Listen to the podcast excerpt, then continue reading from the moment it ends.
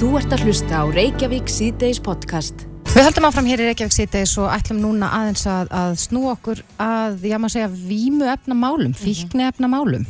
Já. Það vakti mikla aðtikli í síðustu viku þegar að Jón Steinar Gunnlaugsson, sem var nú gestur okkar hér í gær, uh, var að ræða við Snorra Másson fréttamann í Íslandi í dag um já, hans svona skoðun á því að bannstefnan í vímuefnamálum væri ekki að skila okkur neinu Einmitt. og vildir hennilega að þetta er allt gefið frjálst og uh, svo byrtist greinin á vísi.is í dag sem að ber heitið svona útrýmum við skipulögðum brotahópum. Einmitt.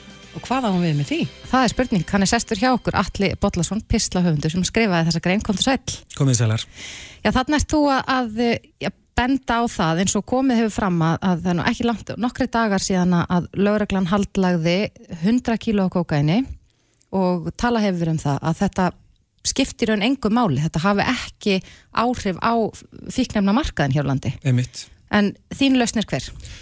Sko, við neytum alveg rosalega mikið af eitulum. Ég menna það, að þessi hald, séu haldlög 100 kíló og það sé bara dropi í hafið, það segir okkur náttúrulega það að við neytum rosalega mikils. Og það er svo skrítið að hugsa til þess að lögreglan hefur sem eitthvað áhyggjur að þessum skipulegu brotahópum og auðvitað. Ég menna þetta geta verið virkilega svona stórhættilega reyningar sem að geta valdið miklum skada. En við erum að bakka þessa brotahópa upp með því að rétta þeim á silvifatti sko 10 miljardar á ári sem að þessar reyfingar eru að innheimta fyrir, uh, fyrir að selja fíknefni.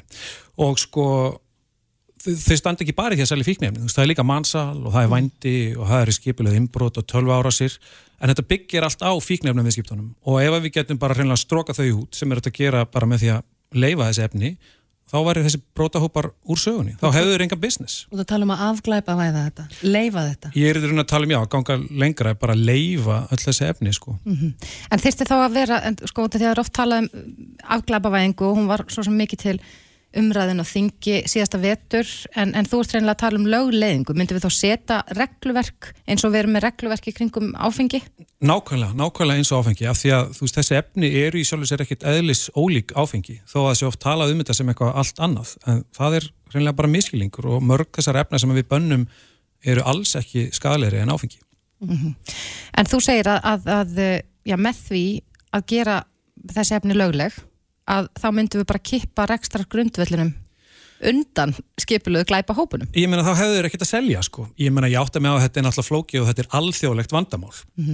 Og, og að þó að við gerðum þetta þá kannski erum við ekki að sko eðilegja skipulega brotastarfsemi á heimsvísu ef við stöndum eini í þessu. En við getum allavega kift fótónum undan þeim hér á Íslandi. Um, og sko afglæpavæðingin er góð svo langt sem hún er af því hún alltaf kannski gengur fyrst og fremst út að vera ekki að jaðasetja vímefnanótendur og hjálpa þeim sem eru komnir í, í verulega vanda að vera ekki að senda þau í fangelsi hreinlega. En slíki nótendur eru samt þurfa samt að kaupa sín efni ólöglega og halda þar með áfram að- styrkja þessa gló- glæpahópa. En svona ef að þetta er þið allt upp á yfirborðinu, það sem er í rauninni neðajarða núna, sem að fólk bara, já flestir sem betur fyrir hafa ekki við, sko hugmyndum hvað á sér stað þarna, en vita að það á sér margt mjög ljótt sér stað, færi þessi glæpastarðsemi ekki allt ofanjarðar, öll ofanjarðar? Sko glæpastar sem er náttúrulega í eðli sínu er neyjarar. Ef þetta færi ofanjarar þá erum við bara að horfa upp á apotek Já, en eða allt það sem fylgir í eða, rauninni eitulifja, notkun og annað, öll þessi, þú meina svona eins og ofbeldi eða slíkt? Já, allt það. Einmitt, þessi hlutir hafa með það að gera að þessi, að vímefnarnótkunin er kyrð mm. neðanjarar. Ég menna við sjáum til dæmis í Svíþjóð, þú veist, þar er, hefur ofbeldi aukist greiðlega mikið. Þar eru brotahópar að berjast um yfirráð á tilteknum svæðum. Ef að það væru engin svæði til þess að berjast um, þá væri þessi vandi í raun úr sögunni og þetta fólk getur farið að snúa sér að einhverju, einhverju, einhverju betra, sko. Já, en svo er alltaf spurning það, það eru margir sem að ég velta því fyrir sér að, að ef að þetta er gert löglegt, hvort að það væri ekki bara miklu fleiri sem myndur sækja í efnin. Ég heldur að séu eh, rök fyrir því að, að, fleiri myndu ánetjast fíknefnum. Það er engin leið að vita það fyrir víst nema að prófa. Um, en við höfum séð til dæmis, minna Portugal er frækt dæmi um land það sem að var, það sem að heroinisla var afglæpavætt, þar fjall heroinisla greiðilega mikið í kjölfarið, við séðum séð líka í Hollandi, kannabisnisla dróst mjög mikið saman þegar að kannabis var löglegt eða svona halvlöglegt eins og það er í, í Amsterdam og við erum í Hollandi. Þannig að við vitum það ekki. Um, ég menna, sumi myndi segja að það sé virði í því að vilja hérna prófa það sem er bannað, það sé ekki jafn spennandi þegar það er komið upp á borð mm -hmm. minn bútur er kannski ekki síst sá að jafnvel þó að neyslan myndi aukast sem er alveg viðbúið og kannski sérstaklega til að byrja með sko, þegar að fólk vera, svona, er aðeins að prófa sig áfram. Spurningin er ekki hversu margir í viðbót myndu prófa, heldur spurningin er hversu mikill skaði myndi hljótast af því. Og ég held að það sé svona oft kannski vandamlega, það er oft verið að horfa í þú veist að fækka notendum en spurningin er hvernig getur við mingað skadan sem hlýsta af þessari notkun? Mm -hmm.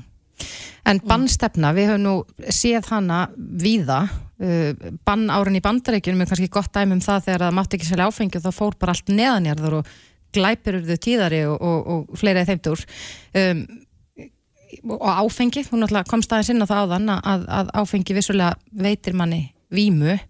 Eh, sérðu fyrir þér að þetta og nú er maður bara fabulera ef að þetta yrði að, að veruleika hér mm -hmm. er þið bara allt leift, sérðu fyrir þér að ríki myndi skaffa efni með einhverjum hætti að við færum bara til búð og, og, og keiftum okkur gram af kókain eins og eina vodkaflasku Ég er náttúrulega alls ekki búin að útvara þetta. Nei. ég átta með að þetta eru róttakar hugmyndir og svona ganga kannski gegn bara hreinlega siðferðist vitund margara, en já, ég held að hérna, það sé bara lang hotlast að fólk getur bara fengið að bera ábyrð á einn lífi og að það geti þá keift þessi efni og geti þá gengið af því að þessi efni séu allavega hrein og í lægi, af því að við sjáum það að það er oft sem að sko, það er ekki virku efnin sem að sko draga fólk til dauða, heldur er það einhver eitruð íblöndunarefni sem að vera til þegar að sko það er verið að framlega þetta á, á sörtu markaði sem að draga fólk til dauða, til dæmis. Svo ég held að því bara betra, hvað ég segja, eftirlitt með svona starfsemi, því svona bara því nær sem hún stæði hefbundinni bruggstarfsemi eða hefbundinni livjaframleyslu með, með hindrunum þó á regluverki auðvita, ég menna mm. við viljum ekki að börn geti keift fíknefni, ég menna auðvita ekki. Og ég menna við viljum ekki ég menna þessi efni eru hættuleg mörg þeirra, þau eru mishættuleg og það er tópak líka og áfengi það er tópak líka og áfengi. Og það er kannski ekki síst, ég held að það sé kannski stóra spurninginir ef við ætlum að, sko ef að hugmyndin með bannstefninni er að passa fólkið mm -hmm. okkar, passa að fólk annarkort bara fari sér ekki að voða hreinlega líkamlega eða passa að það verði ekki uh, ánýtist ekki þessum efnum þá meikar það enga sens á meðan að áfengi er löglegt, því áfengi er mjög skadalegt, það er, ein, ein, það er hreinlega eitt mest í sjúkdómsvaldur uh, í heiminum og það er verulega ávanabindandi og ef að hugmyndin er að ok, við leifum þetta vegna þess að þetta er, þú veist, veitir okkur ákveðna gleði og nöytt og við ætlum að banna það sem er hættulegra, við ætlum að setja eitthvað tröskuld, þá þurfum við að endur skoða það því tröskuldurinn liggur einhverstaðar langt fyrir neðan áfengi og fullt af þeim efnum mm. sem eru ólögleg í dag eru ekki nærði skadaleg eins og áfengi og til dæmis tóbak mm -hmm. og þetta er efni sko sem að fólki, fólki finnst mér segja bara hræðilegt að heyra, þetta er efni eins og MDMA, LSD, amfetamin mm -hmm. En myndi verðið, ef, ef að þetta væri, sko, mér finnst gam, gaman að spjalla um þetta vegna mm -hmm. þetta er áhugavert. Ef, ef að, að sko, fíknefni eru bara seldi í, í apotekum eða einhvers konar verslunum, myndi verðið ekki hækka? Færum við ekki fara að smyrja á þetta veriðsvöggskatti og Alveg ábyggilega, ég menna við sjáum það bara áfengisgjald og getur slagað upp í 80% af, af flöskunni þú ert að kaupa. Það er náttúrulega bara pólitísk spurning og ég menna það er bara búið að hreinlega höfum við sem samfélag eða okkar stjórnmálastið að tekið það ákverðun að skadin sem hljótist af neyslu áfengis að það hann sé einhvern veginn sko bættur í formi þessa áfengisgjald þannig að það hafi annars, annars vegar fyrirbyggjandi áhrif að fólk forðist að kaupa þetta vegna þess að þetta sé svo dýrt og svo hins vegar við getum rástað eitthvað þessi fyrir kannski til til þess að hjálpa fólki sem lendir í fíknivanda eða öðrum svona heilbyrðismálum og ég held að það væri bara jú, ég menna, mér þætti það eðlilegt að það væri eitthvað svipað fyrirkomalag sem myndi gilda um výmöfnin Þannig að með því að ég er nú bara að hugsa með en ég er að tala við því hérna, mhm. hausin á mér ekki hérna fullu. Þannig að með því að leifa þetta bara í svona vestlunis og ríkinu á, hérna, á výmu, nei hérna výmbúðunum mm -hmm að uh, þá myndum við kannski sjá minna um þessa glæpi eins og mannsalvændi, peningaþvottur uh, fjársvík Pottitt, af því að það eru oft skipulega glæpahópar og oft alþjóðlega skipulega glæpahópar sem er að standa í þessu. Og ef þeir hafa, en, en náttúrulega nummer 1, 2 og 3 hjá þeim er fíknefnarsala og ef mm. við tökum það bara út úr jöfninu, réttum bara ríkinu þann pening þá myndir þetta bara þá sopna þeir bara sko. Og, og glæpanóttir eru þið atvinnuleysir? Þeir eru þið atvinnuleysir í, í sínum heimi, og, sínum heimi. Og, já, en vonandi getur þau fundið einhverja, einhverja vinnu hérna hinnum megin við yfirborðið. Já og miða við það sem skrifar í greininni líka sko, að, að eh, ef við erum að neyta svona mikils maks af fíknefnum á hverju ári að þá væri þetta nú alltaf búbót fyrir ríkið Algjörlega, ég menn ég tiltek, þú veist, þetta er nú bara einhverju svona, einhverjur útreikningar svona aftan á umslag en ég er að byggja þetta samt á rannsók sem er gerð á svona niðurbrotsefnum í skólpi til þess að áætla hvað við erum að nota mikið af efnum. Og uh, sko, við vitum í sjálfsvegar, ég bara gef mér að vikurnar sem eru þar, það sem er verið að mæla að þær séu bara svipaðar og aðra vikur í dagatalinu auðvitað er einhverja seplu millir vikna. En svona gróflega, ég menna þá er þetta, þetta er eitthvað 240 kíló kokaini, 95 kíló af amfetamíni, 25 kíló einhver af MDMA og sko mörg, ég held sko yfir 20 tonna cannabis sem við erum að nota.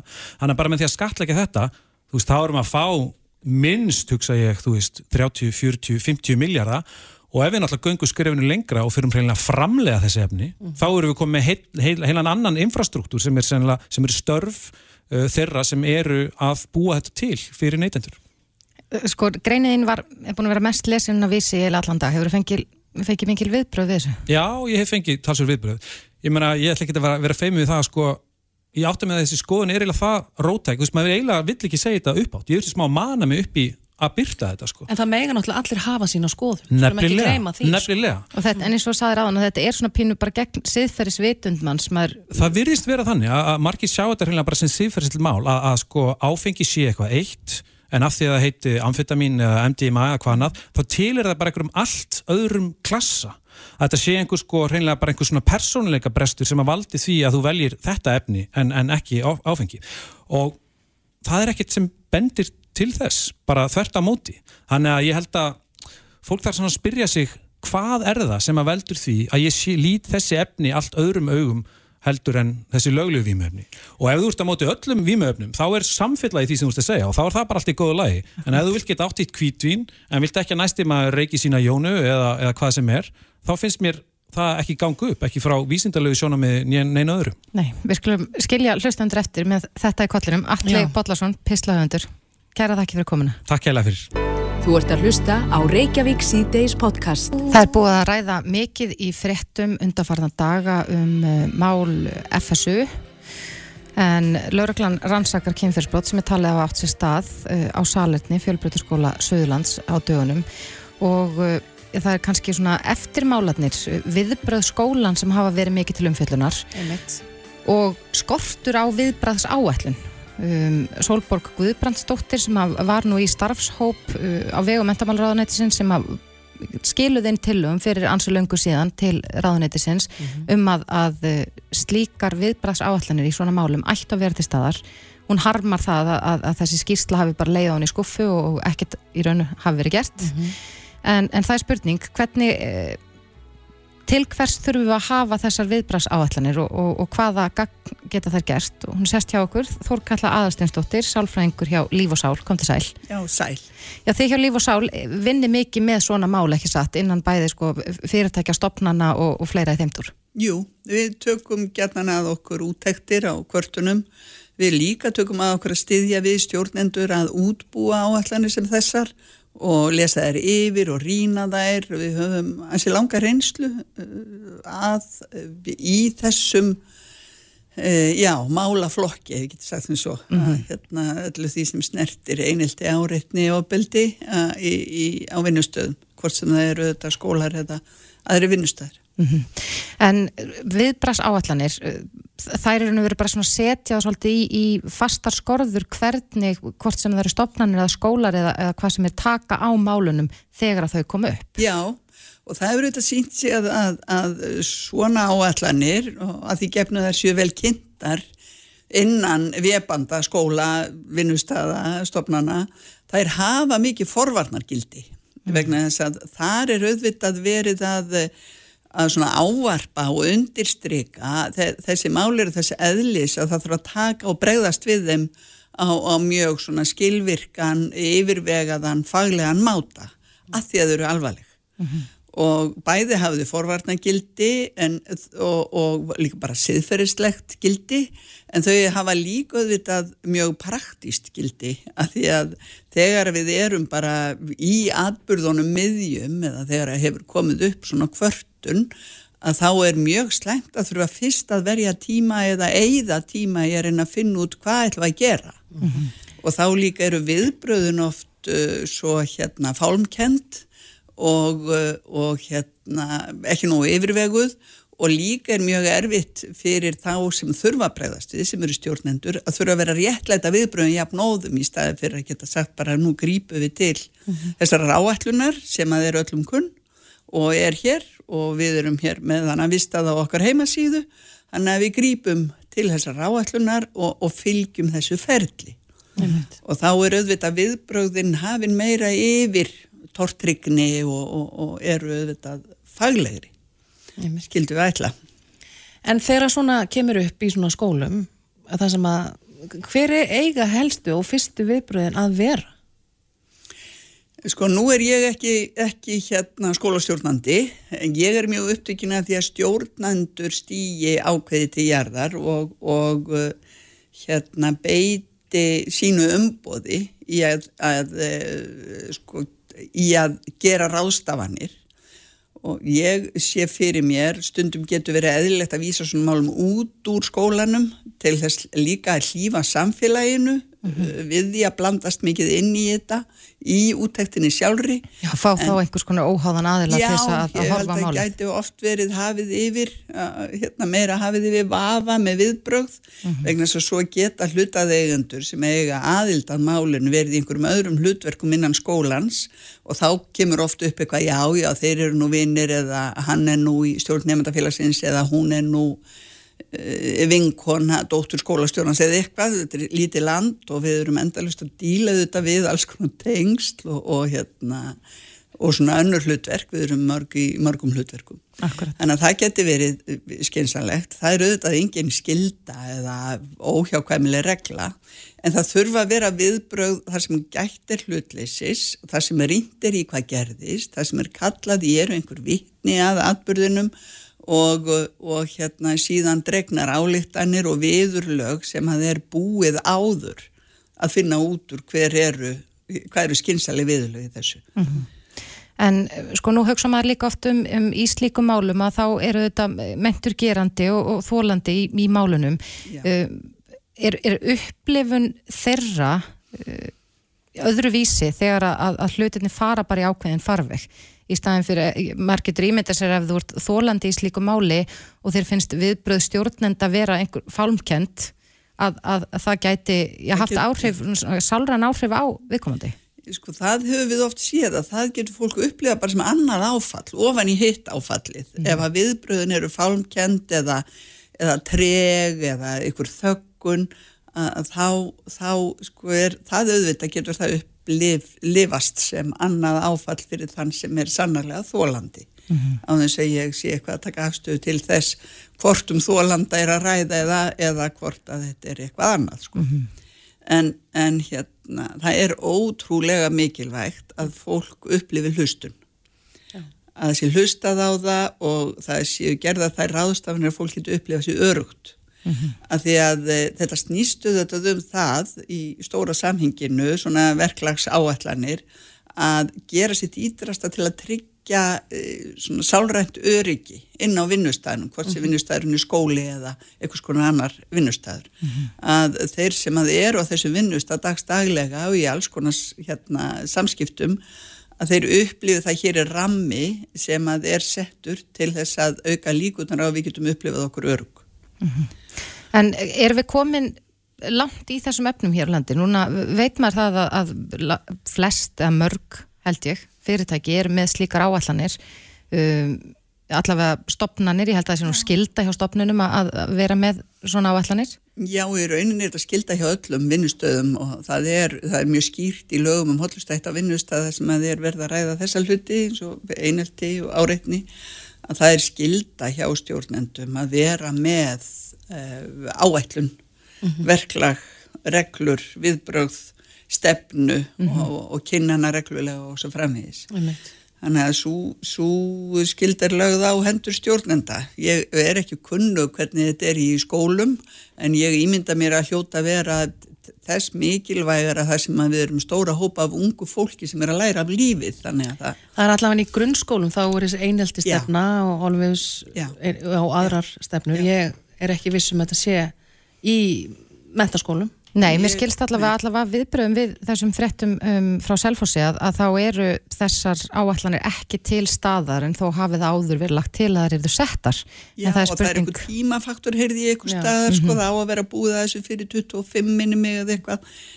Og ég, ég persónlega skil ekki alveg okkur þar svona langan tíma vegna þess að hérna, þetta er einu bara átagsverkefni sem þarf að koma á fót og eftir sem tíminn líður þess einhvern veginn, já, þess meiri séns að tökum við á því að hlutinni fari í viftuna einhvern veginn ef eitthvað kemur upp á, sko. Já. já, að því auðvitað, ég menna við erum mannleg og fólk gerir mistök og við þurfum að vera með viðbröð við því en að því þú spurðir hvort við værum hérna á góðu róli í þessu, þá er það þannig almennt. og, og ég, hérna, ég var á svona málstofu út í Brussel í vor og ég var fengin vegna þess að hjá hérna, fyrir ekki tala ég belgópið, hjá EFTA. Og, og ég var fengin vegna þess að Íslendingar eru taldir hafa náð, vera komni lengst Já. í viðbrögðum, yfirveguðum með verklag, með vitund og fræðslu.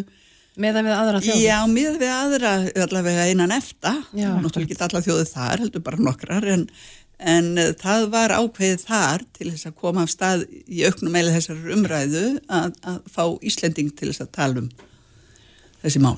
Akkurat, já. Þannig Ég var alls ég bara ána með okkur. Já, þannig við getum verið ána með okkur en við skulum vona að þetta skilir sér í skólana líka þó að, að uh, við þurfum kannski að læra af betri reynslu. Og við þurfum að halda vitund okkar í þessu. Já. Þórkalla Aðalsteinsdóttir, sálfræðingur hjá Líf og Sál. Kærar þakki fyrir komuna. Takk fyrir mig. Þetta er Reykjavík C-Days podcast. Við tölum stundum hér um heilaga þrenningu, hvað var að helsu. Mhm. Það er svepp, næring og svo reyfingin. Já. Og maður þarf að rækta þetta þrennt til þess að- bara vera helsu samlegur. Já, bara til að fungera. Já, en uh, við rákumst á grein hérna á Smartlandi innan mbl.is og uh, þar skrifar Ágústa Jónsson sem er frangotastjóri reyfingar um uh, styrtræfingar og, og segir þar að vöðvamassi sé uppspretta langlífis. Þannig að það er spurning, á maður að gera styrtaræfingar til þess að reynilega já, öðlast langlífi og, og jafnvel bara betra líf, Ágústa Jónsson er sest hjá okkur, kom til sæl. Með sæl. Já, ég, það er allavega ljóst að styrtarþjálfun eigur lífsgæðin. Og, og, hérna, og, og það að geta sagt, sjálfur stuðlaða því að, að hafa góð lífsgæði út lífið, eða, er, reyna að gera sitt besta til þess að það með verða.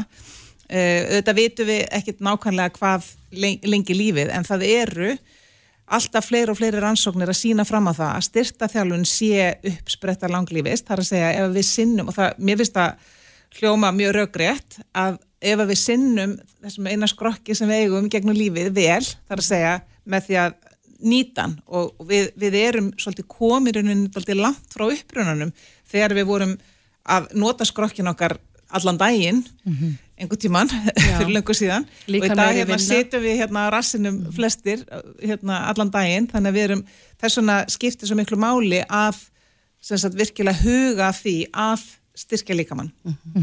Og það er, er uh, já, kannski hætta hjá mörgum að uh, mar margir stundar svolítið einhæfa líkamsrætt. Það er já. kannski eh, hlauparar sem hlaupa bara. Já, Ég, ég kannast nú bara við það á eigin skinn, ég hleyp allt og mikið en svo ger ég aldrei neitt annað. nei, Og, og, og þá er maður ekki að virkja næla marga parta líkamanns. nei, emmitt auðvitað er öll þjálfun góð og hérna, en, en það sem að ég vildi vekja aðtikla á með þessari greinminni, mann leikur nú alltaf eitthvað á hjarta, að það er að, styrtaþjálfunin er svo nöðsynleg til þess að skapa í rauninni þetta jafnvægi í líkamannu út af því að, að ef að þú er mitt eins og segir, gera alltaf sama og, það er líka á við auðvitað um styrtaþjálfunina og sem okkur hættir mörgum til þess að gera og ég alveg kannast við það sjálf að maður fer inn í salin og gerir bara það sem mann finnst tægilegt og skemmtilegt. Og þá er það oftast ekki það sem maður þarf mest á að halda. Þannig að það ég, mér langar að vekja aðtikli á því hvaða skiptir miklu máli að styrkja líkamann með skipulegum hætti markusum hætti, alla æfina ekki taka einhver hérna geðvikslega tímabil þar sem að þetta er alveg tekið með trompi og taka sér svo tveggjara kvild En hvað á maður að gera?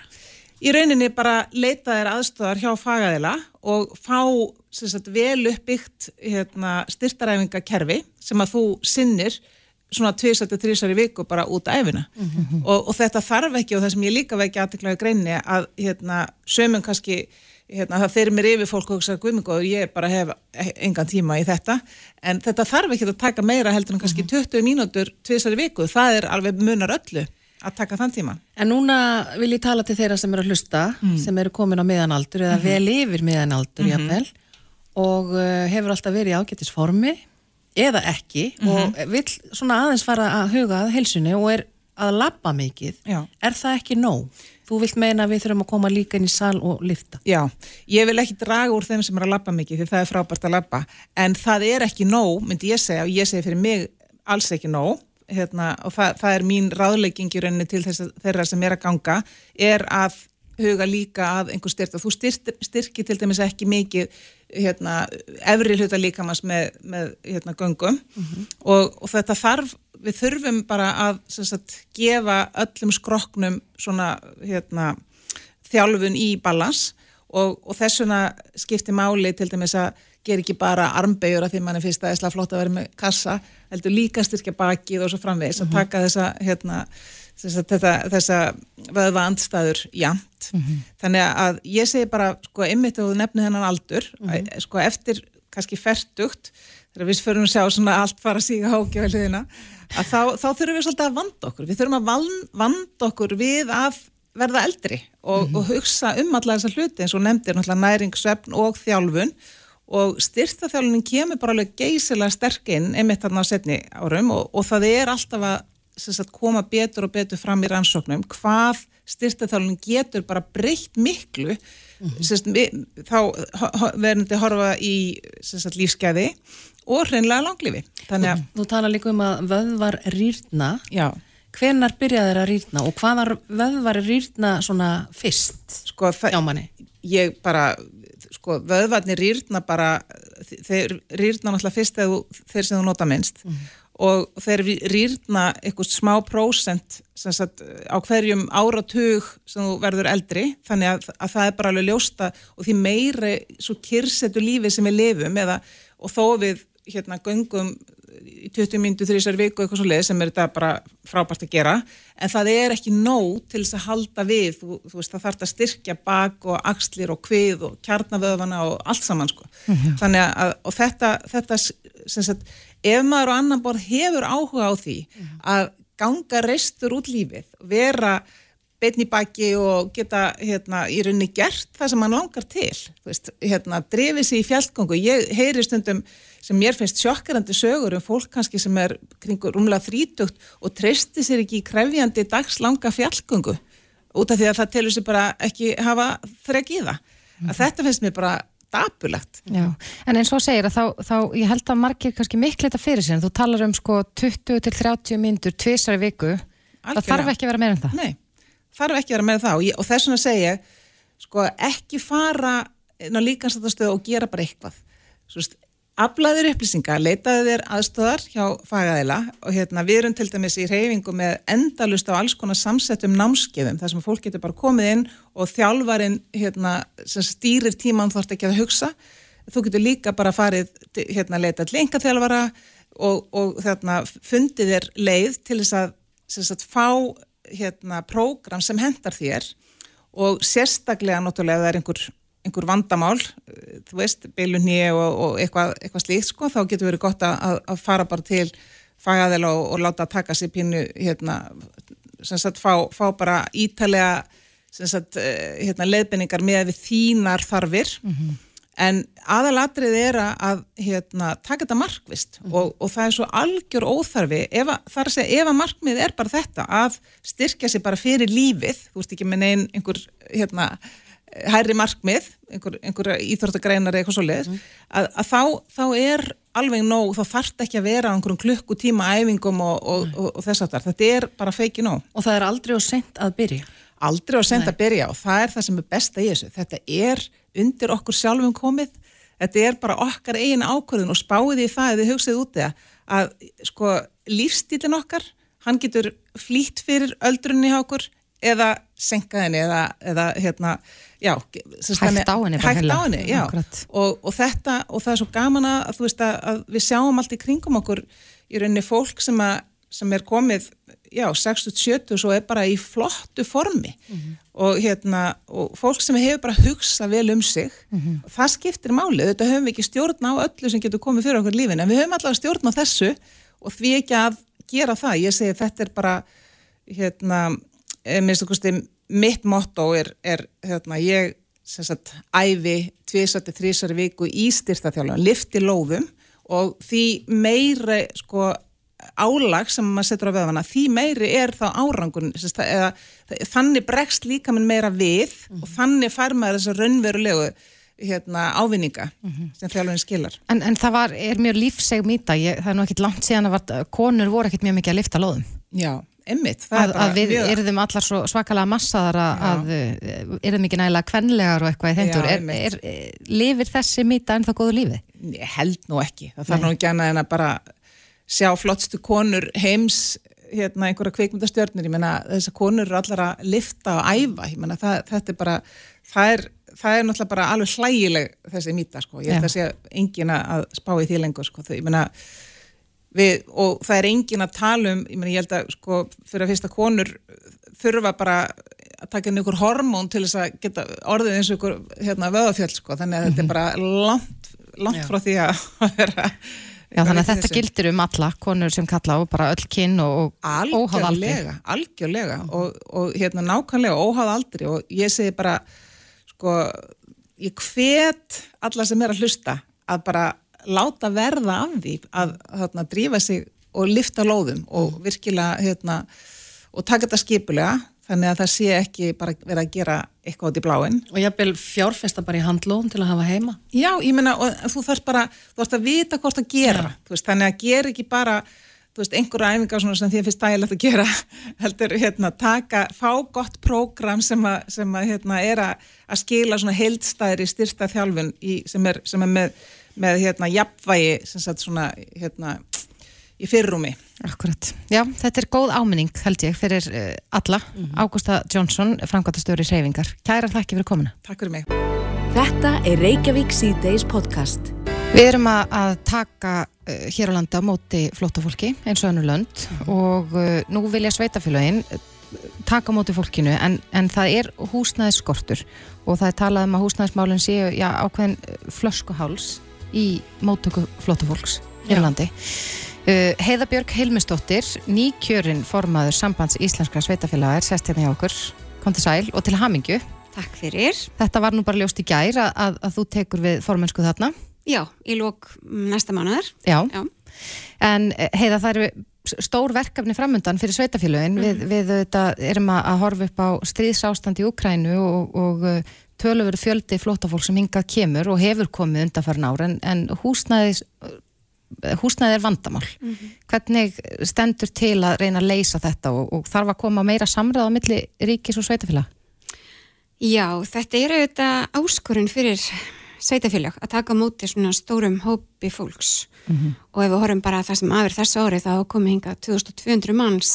Það er, hefur aldrei gerst áður á Íslandi að svona margir hafa komið og við erum auðvitað glöð og þakklátt fyrir það að við erum með ríkistjórn sem að opnar hérna faðminn og er tilbúin til að hjálpa fólki í neyð.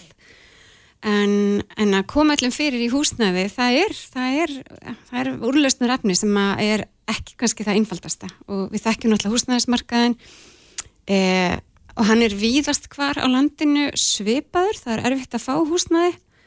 Og það hefur svona bæði gert það verkum að einhver sveitafélag hafa ekki treyst sér til að taka þátt í þessu og önnur gera það en, en þetta, er, þetta, er, þetta er svolítið flókið. En hvar eru, hvar er skorturum mestur? Er það á höfuborgarsvæðinu eða bara út um allt land? Það er misjamt eftir sveitafélögum hvernig staðan er en, en uh, það er ekki bara á höfuborgarsæðinu sem skorturinn er á húsnæði. Nei.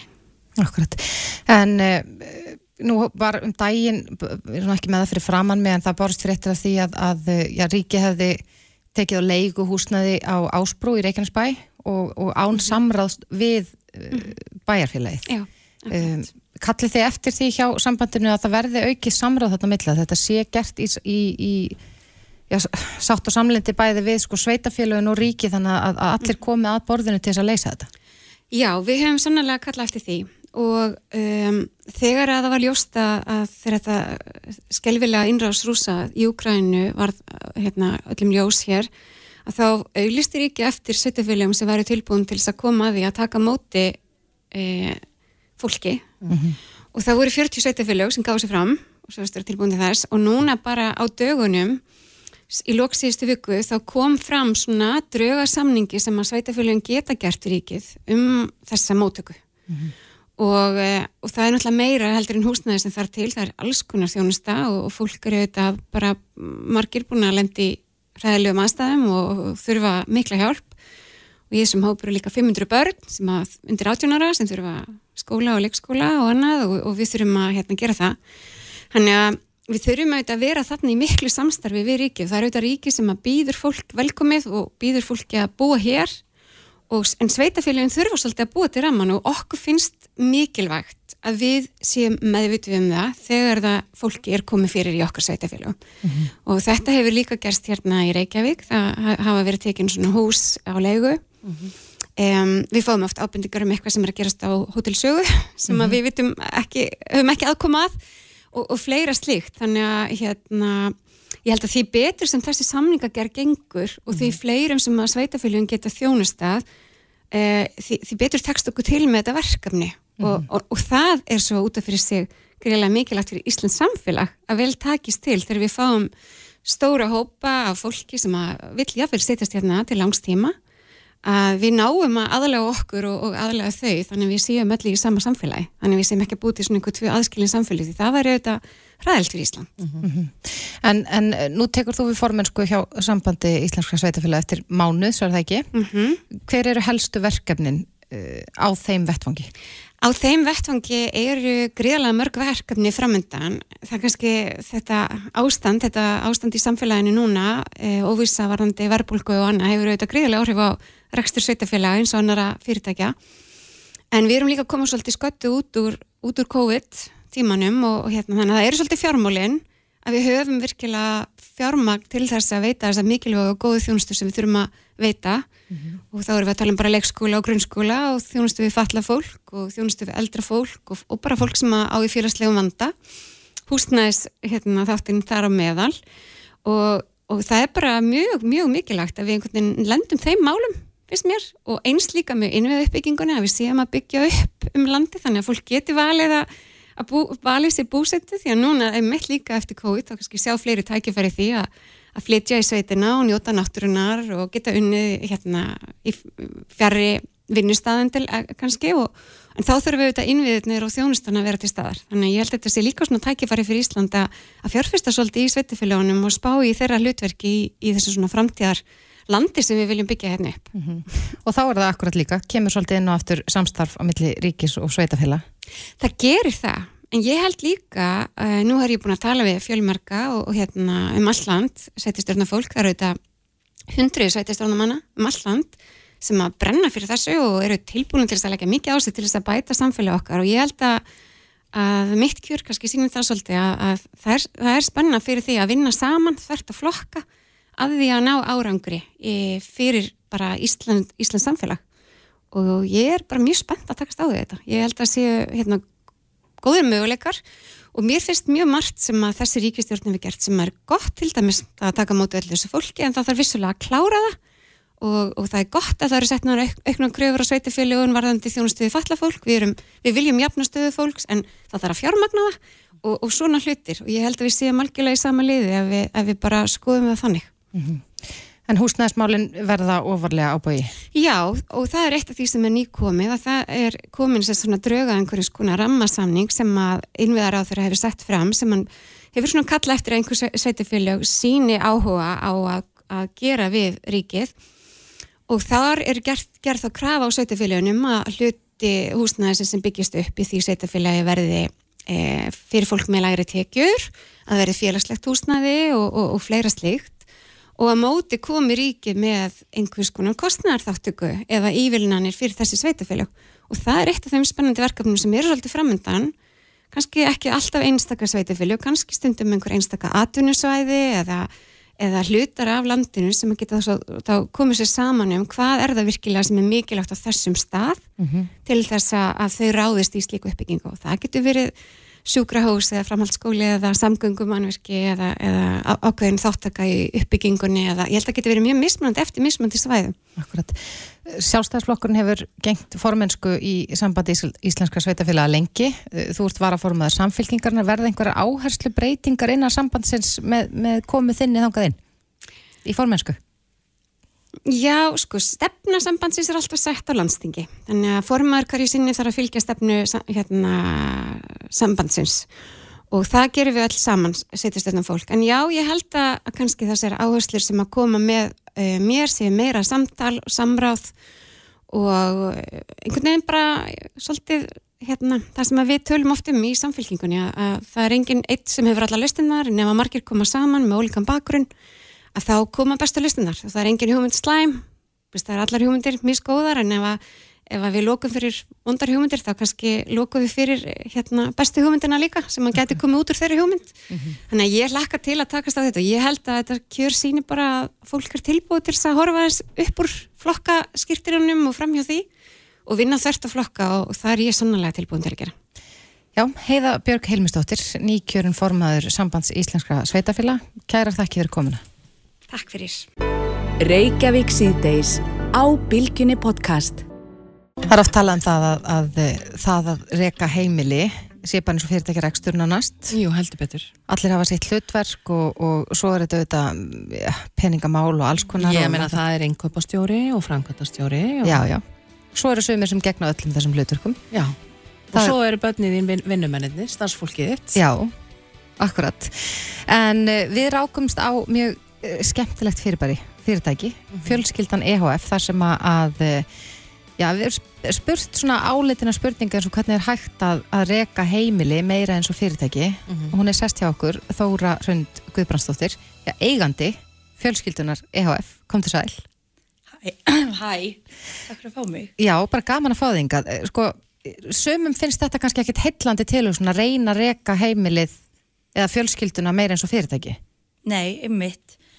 Og kannski einhverjum sem finnst það svona frekar órómantíst og, og vilja kannski meira lifa í flæði og svo leiðis. Já, svona ópersonulegt að hugsa til þess. En, en hérna, ég held að með því að reka heimili meira eins og fyrirtæki og við tökum svona ákveðin tól og tæki sem eru notuð í, í stjórninu og rekstu fyrirtækja uh, og yfirfærum það yfir á heimili, þá megir líka skapa, sagt, gera hlutin á heimilinu með skilvirkara hætti sem skilur okkur meiri frítíma í því að skapa minningar með fjölskyldumæðlumum og hafa jafnvel meiri tíma til þess að rekta sjálfansi og maka og, og svo framvegis. En hvernig þá? Hver, hvað leggur þú til? Sko það er náttúrulega, það er sem sagt uh, hægt að horfa á þetta í mjög stóru samengi og þegar við erum að horfa á fyrirtækjaregstur, þá erum við náttúrulega ekki bara að hugsa um að hámarka árangur, fjárháslæðan árangur, heldur erum við líka að hugsa um að nýta mannuðin, að allir fá að njóta sín, allir fá að njóta sín innan fyrirtækjana, allir finni til ábyrðar og svona þeir skipti máli og svo getum við farið í, veist, fyrirtækjar að setja sér, farið stefnumótun, þar sem að er verið að horfa á hvað viljum við gera og fyrir hvað viljum við standa. Já, bara hvernig fjölskylda viljum við vera? Já, hvernig fjölskylda viljum við vera? Bara markmiðasetning bara eins og hjá fyrirtæki. Já, algjörlega og horfa bara til dæmis ef við byrjum kannski þar, veist, þá getur maður farið í þá vinnu að setja sér svona ákveðna stefnu fyrir, fyrir fjölskylduna og bara svona fyrir hvað við viljum standa og hvernig við viljum vera bæði inn á við og út á við. Og svo fyrir við að kannski tökum það eins lengra og hugsa um jáfnvel, þú veist, hérna gildi fjölskyldunar, þú veist, sem við látum endur speglast einu og öllu, hvaða markmið viljum við ná sem fjölskylda? Og markmið geta verið líka bara, þú veist, markmið til dæmis um að fara bara í útilegu þú veist, markmið um að fara til útlanda eða markmið um að eiga meiri samverust, fleiri samverustundir eða markmiðin geta tengst fjölskyldinu og þurfa ekki að vera leiðileg. Veist, þessi vinna er í raun bara mjög skemmtileg og hvernig svona er hægt að heimfara það yfir á fjölskylduna og fara síðan í þá vinnu að, að segja kannski hvað langar okkur að gera á þessu ári? Já, bara halda fund. Já, bara algjörlega. Við eldursporið. Já, hérna, fjölskyldufundir er frábærir og, og hérna, ég hef mitt innleitt þá inn, í, inn á mitt heimili og erum í raun sko með vikulega, vikulega fjölskyldufundi en, hérna, en þessi stefnumótun er kannski, kannski bara nóg að hafa hana einu svona ári Já.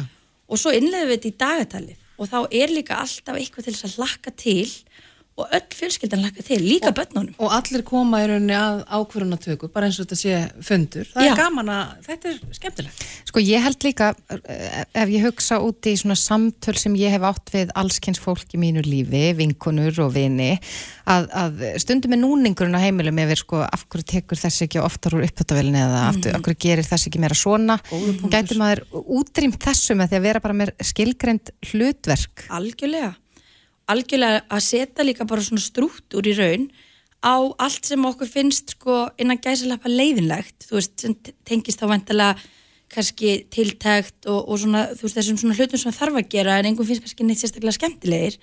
En með því að mynda hlutverkaskipta því og þá líka hægt að sjá bara mjög skýrt. Þú veist, hver er að gera hvað og, og hver er ekki að standa sig og svo framvegis og þarna er líka tækifæri til þess að láta alla innan heimilisins fá hlutverk og ábyrð og þetta er valdablandi líka fyrir börn. Já.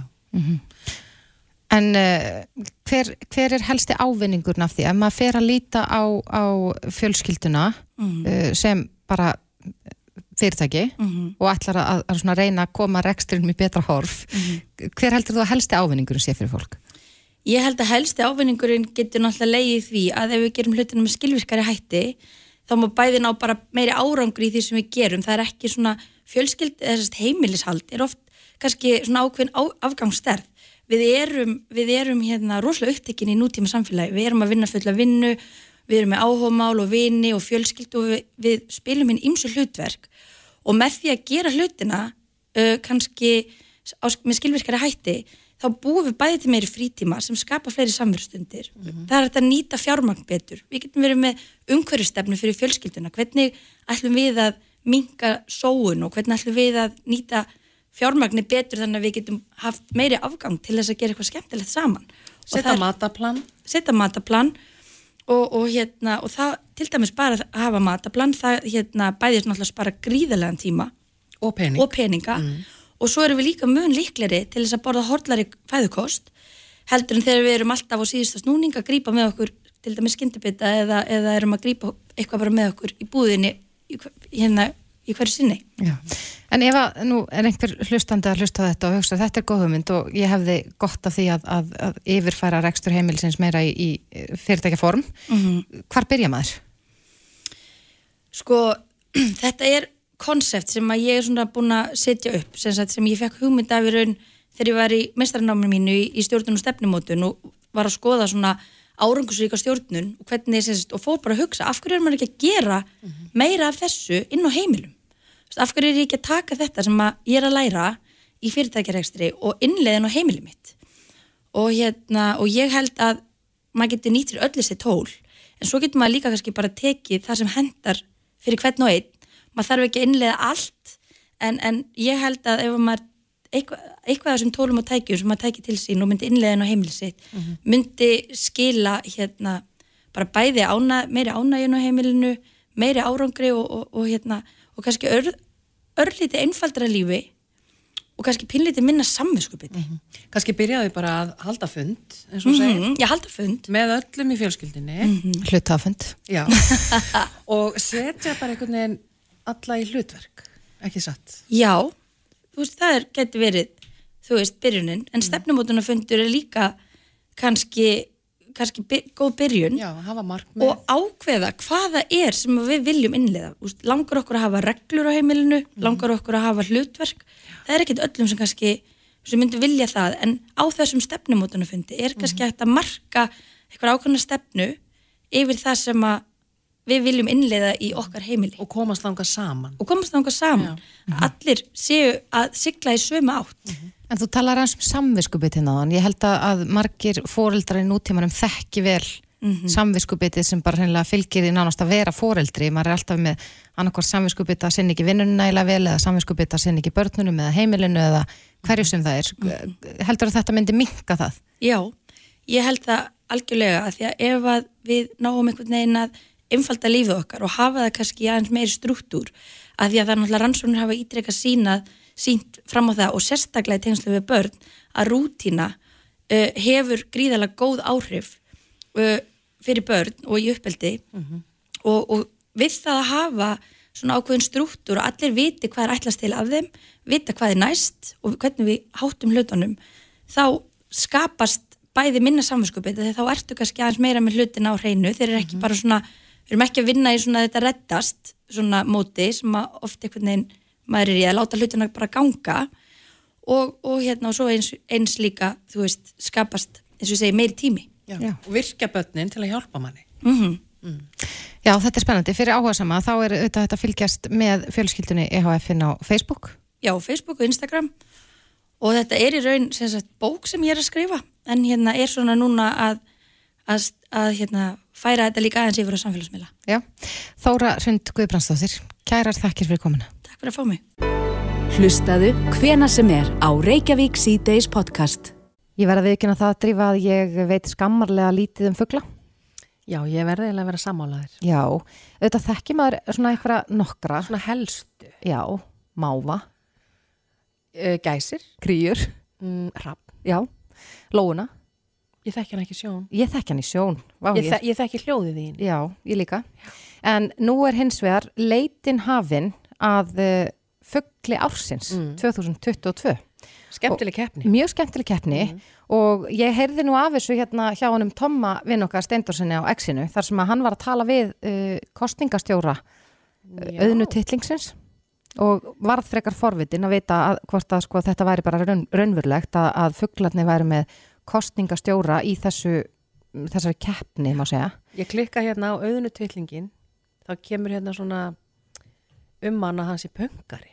Já, hann er með smá svona hanakapp. Já, svona rauðan. Akkurat, en á línunni hjá okkur í dag er Brynja Davíðsdóttir sem er uh, verkefnastjóri hjá Fuglavernd og stýrir þessu verkefni um fugl ársins. Komdu sæl Brynja. Sælar. Já, það, er, er þetta í fyrsta sinn sem að, keppnin um fugl ársins er haldin? Þetta er í annað skipti. Já. Það var líki fyrra og, og þá var Lóan sem við vorum að tala um. Hún, hún vann þá keppni, Og sigurvegari, auðvitað. hún var segjuverðin. Þannig að þetta árið þá ákveða að taka 20 fugla sem voru líka frekar hátt skrifaði hérna á listaði fyrra Mm og hérna og kasta fram svolítum upplýsingum um hvert fugl þannig að fólk geti aðeins kynnt sér það betur því að eins og ég heyri af ykkur þá eru þau ekki endilega með alla fuglana hreinu Nei, nei. Þannig voru teknið saman 20 og fólk getið kynnt sér það svolítið og, og hérna og fengið aðeins betri yfir sín og skilning. Emmett. En það er ekki 20 fuglar sem eru þó að keppa. Þetta eru nokkri sem eru komnir áfram. Já, það var nefnilega svona forval sem að fólki var bóðið að að kjósa sinn til þess að koma um áfram og, og það voru þessi sjö sem að svo stóðu upp úr. Já, þeir eru sem sagt sjö komnir í úrslit. Já, Og, og hvað voru margir sem að, getur þú séð svona cirka hvað voru margir sem að eh, voru að kjósa? sem að tók þátt. Ég Já, sem að tóku það verið uh, rétt yfir 500 sem að tóku þátt. Mm Í forvalinu þá. Já. Akkurat. En, en segð okkur hvaða fuglar eru það sem að, að, að eh, já, komust áfram og eru núna að keppa um titilinn fugl ársins? Sko eins og þau nefnum, þá eru það auðnitillingurinn Mm -hmm. og himbrimi. Já, og himbrimin sem er aðeins öðruvísi pöngari, mm -hmm. svolítið töf. Mhm. Svo er það hafnin, Já, og mikill karakter, uh, hrossagaugurinn, já, ég þekki hann líka. já, sem er allir ljúvari. Og svo Já. jáðrakaninn Jæðrakan, já, og krían og svo er það marjörla. Já. Ég hef smá áhyggjur af kríunni í þessari keppni Já, út af því að, að fólk er ekkert sérstaklega vel við kríur. nei, hún er svolítið lögð í einelti af mannfólkinu. það er ekki miskilningur. Mm. Það er ekki fara að mættu mann, sko. Er það? og hún náttúrulega kemur bara hérna og verpir svo bara beint í í, í, í sagt, eggjum og ungum í, í feluritum beint á jörðina þannig að það er ekkert skrítið að reyna að stukka fólki aðeins frá eða að ganga á nálægt eggjónum með ungunum. Nei, en sko þessi fuglar, sko ég þekki það ekki alla í sjón, en Nei. ég veit og tel mig vita fyrir víst að þeir eru allir rosalega miklu karakterar. En svo krían passa sitt, hún er Já. mjög ákveðin. Já, en það leggur hún alveg sko, hún leggur útrúlega mikið á til að koma hérna og, og alveg bungana sína. Og svo er það hrossagaukurinn, hann er svolítið, með svolítið skemmtilegt uh, hljóð. Hann er frábært hljóð. Og eins líka hérna- himbrimin, Hann er mjög sérstakur í ljóði. Mjög, en þeir eru í svona listflýi, svo þið skilist fyrir hvorum öðrum. Og svo náttúrulega Hrafnin, hann er eitt sá gliðskjarnasti, hef ég heyrt. Jú, það er sagt, en. Þetta er bling bling í honum.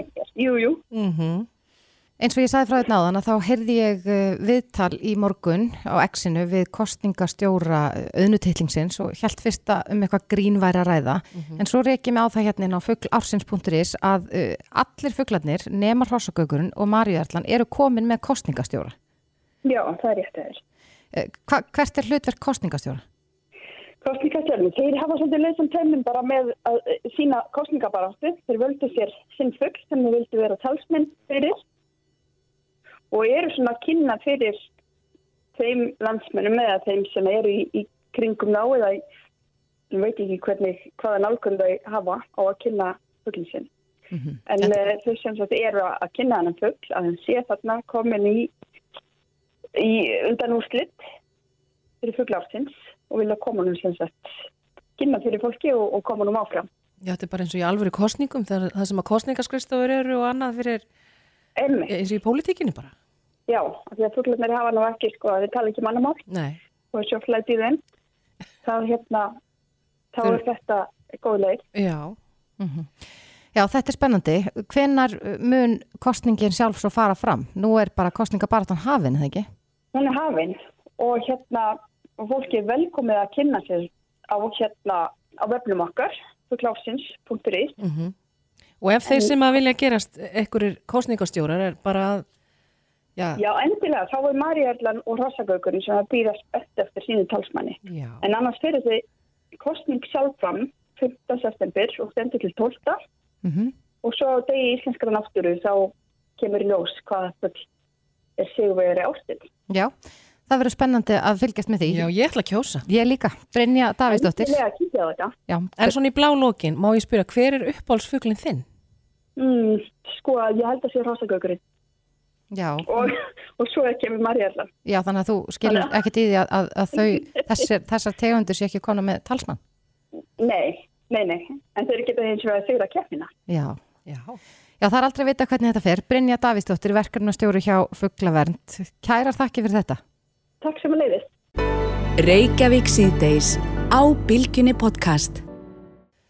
Ég þreytist ekki á því að tala um Íslendinga sem er að gera gott, hvort sem það er hérlendis eða erlendis. Nei, það er alltaf gaman. Já, en tónlistakonan og jazzsöngunan Laufey Lín Jónsdóttir, hún situr núna á tíunda sæti yfir vinsælustu nýju plöturnar á topplista Spotify í bandaríkjunum. Hvorki meira niður minna vel gert. Svakalega vel gert og hún kom út uh, bara fyrir sko fjórum dögum síðan, nýja plataninnar sem heitir Everything I Know About Love og ég man nú eftir 13, 13 lög. Akkurat. Það er ekki, það er ekki langt síðan að við töluðum við hana Laufeyju eftir að, að hún eiginlega, ég sló í gegn á samfélagsmiðlum eftir að Billie Eilish hafði Já, deilt með sínum fylgjendum myndbandi af henni að syngja og, og hún Laufey syngur þetta bara eins og engill. Já, og svo En- kom hún hann í þættinum hjá Jimmy Kimmel, Já, spilaði þar. akkurat. En uh, Laufeylín er á línun hjá okkur, nýkomin til LA, kom til sæl Laufey. Hæ, gaman að vera hérna. Já, gaman að heyri í þér. Hvernig, hvernig líður þér að sjá, sjá uh, plötunin að rjúka svona upp á vinsættalistum þarna Vestanhafs? Bara alveg, ég var að fá þess eftir að ég er líka í tíundasæti í Breitlandi, bara núna, Vá, ég var að fá í tíman frá umbásmannum mínum, þannig að ég er alveg sýstandi, sko. Um, þetta er bara svaklega góða fréttir, ég hefði aldrei við þetta. Ég fekk fréttinar um, í gær, ég var, ég var á Íslandi, Mhm. þegar platunin kom út, með langaði að vera heima. Mm Ég hef búin að vera að vinna í Evrópu og ég tók pínustamp á Íslandi bara til að fagna útgáfinu og svona. Mhm. Og þannig að, en ég finnst þetta náttúrulega að koma heima því ég er að fara að byrja á tónleikaferðalag bara eftir tvær vikur. Um, en já, ég flög heim í gerðkvöldi og ég er alveg, ég er orðin svaka lúpi og veikleg og þannig að búin að vera að setja í flugvil í svona tíu klukkutíma. Og ég fekk þetta um, SMS frá umbóðsmennum mínum og mynd, myndina með þetta í tíundsæti og ég bara, alveg, ég fór að hágráta. Ég fór að hágráta. Bara til hamingi með þetta. Maðurinn við hliðin á mér í að ég var að missa vitið. En, en hérna, grunaði þig árið 2015 þegar þú fóst í The Voice sem var hérna á Íslandi að þú myndir vera komin á þennan stað nokkrum árum setna? Nei, aldrei, ég er bara, ég alveg nefnir aldrei trúið, ég átti, mér fannst svo gaman að syngja sem segir, en, en ég hafði enga trú á, ég geti gert eitthvað svona, þetta er, Ísland er svo lítið land, þess að erfitt að ná út úr búblunni, einhvern veginn tónlistabúblunni og ég bara hefði aldrei trúið að það væri hægt. Nei. En það sem er líka skemmtilegt, Laufey, er þetta að, að sko, þú ert með, uh, ég er svo sérstaka rödd og hún fangar mann hreinlega þegar maður hlustar á því syngja. Þannig að, að það er svona, þetta er svona ólíkt því sem maður er að sjá í tónlistinni í dag. Heldur að það sé ekki, já, hjálp ekki líka, þetta er ekki bara þetta svona, með langar að sletta, þetta mainstream. Mm Já, ég, ég veit ekki, ég meina, ta takk, það er mjög sagt að ekki segja, en ég veit ekki, þessi tónlist er aðeins öðruvísi og hún er aðeins meira svona djassaðri en ég held um bara, að það sem ég held er að hún, hún næri ekki bara til þú veist, yngri, hún, hún næri til allra, það er ekki bara eitthvað svona ákveðin hópur, svo hún næri til þessi tónlist sem fóreldra geta hlusta á með börnum og börn geta hlusta á með, með ömmu og afa og þannig. Hún er svolítið á, að- já, minnir svolítið á svona, svona kvikmyndatónlist eða tónlist í kvikmyndu svona frá þriðja, fjórða, fymta áratögnum. Hefur ekki fengið að heyra það? Já, það er markmiðið, það er Mhm. markmiðið. En ég er það einmitt gaman að sjá hvað það er margir ungir sem hafa byrjað að hlusta á svona tónlist eftir að hafa uppgötvað kannski eitthvað lag hjá mér og byrjað að hlusta á jazztónlist eða eitthvað svona kvikvinda klassíska tónlist og það er einmitt markmiðið mitt því ég ólst upp í klassíski tónlist í hana á Íslandi, tónlistaskóla í Reykjavík að spila solo og líka bara að syngja jazz og markmiðin eitt þegar ég byrjaði þetta project var um bara að kynna þessari tónlist fyrir yngri kynnslóðana, fyrir TikTok kynnslóð Já. og það að um, og það að þessi plata hefur náð inn á eitthvað svona lista í bandaríkjunum og í Breitland og eitthvað þannig sýnir bara fram á að þess, það er unga fólki sem ítt þessi plötu upp á þessa lista Akkurat. þannig að það bara sýnir fram á að ég er allavega búin að kynna þessi tónlist fyrir ykkurum nýjum og finnst það bara það er mest spennandi við. En Laufey, þú sagðir að þú ert á leiðinni í tónleikaferðalag. Já. Er það í bandaríkunum úti? Þegar ég veit nú af því að þú ert að koma hingað í, í vetur, í lok oktober að spila.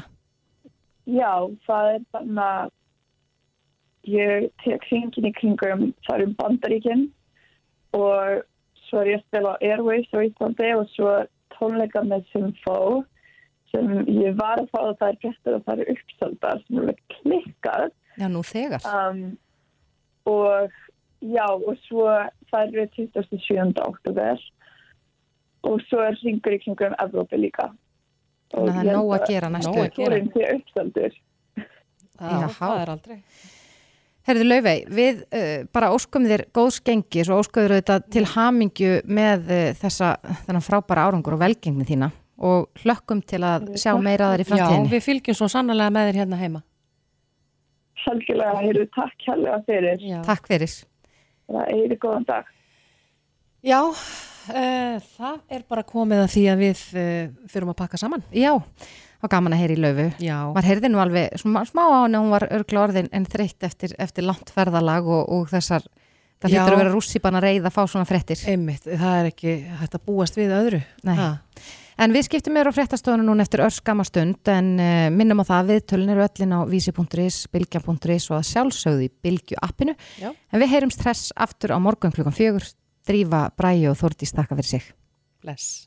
Reykjavík síðdeis á bylgjunni.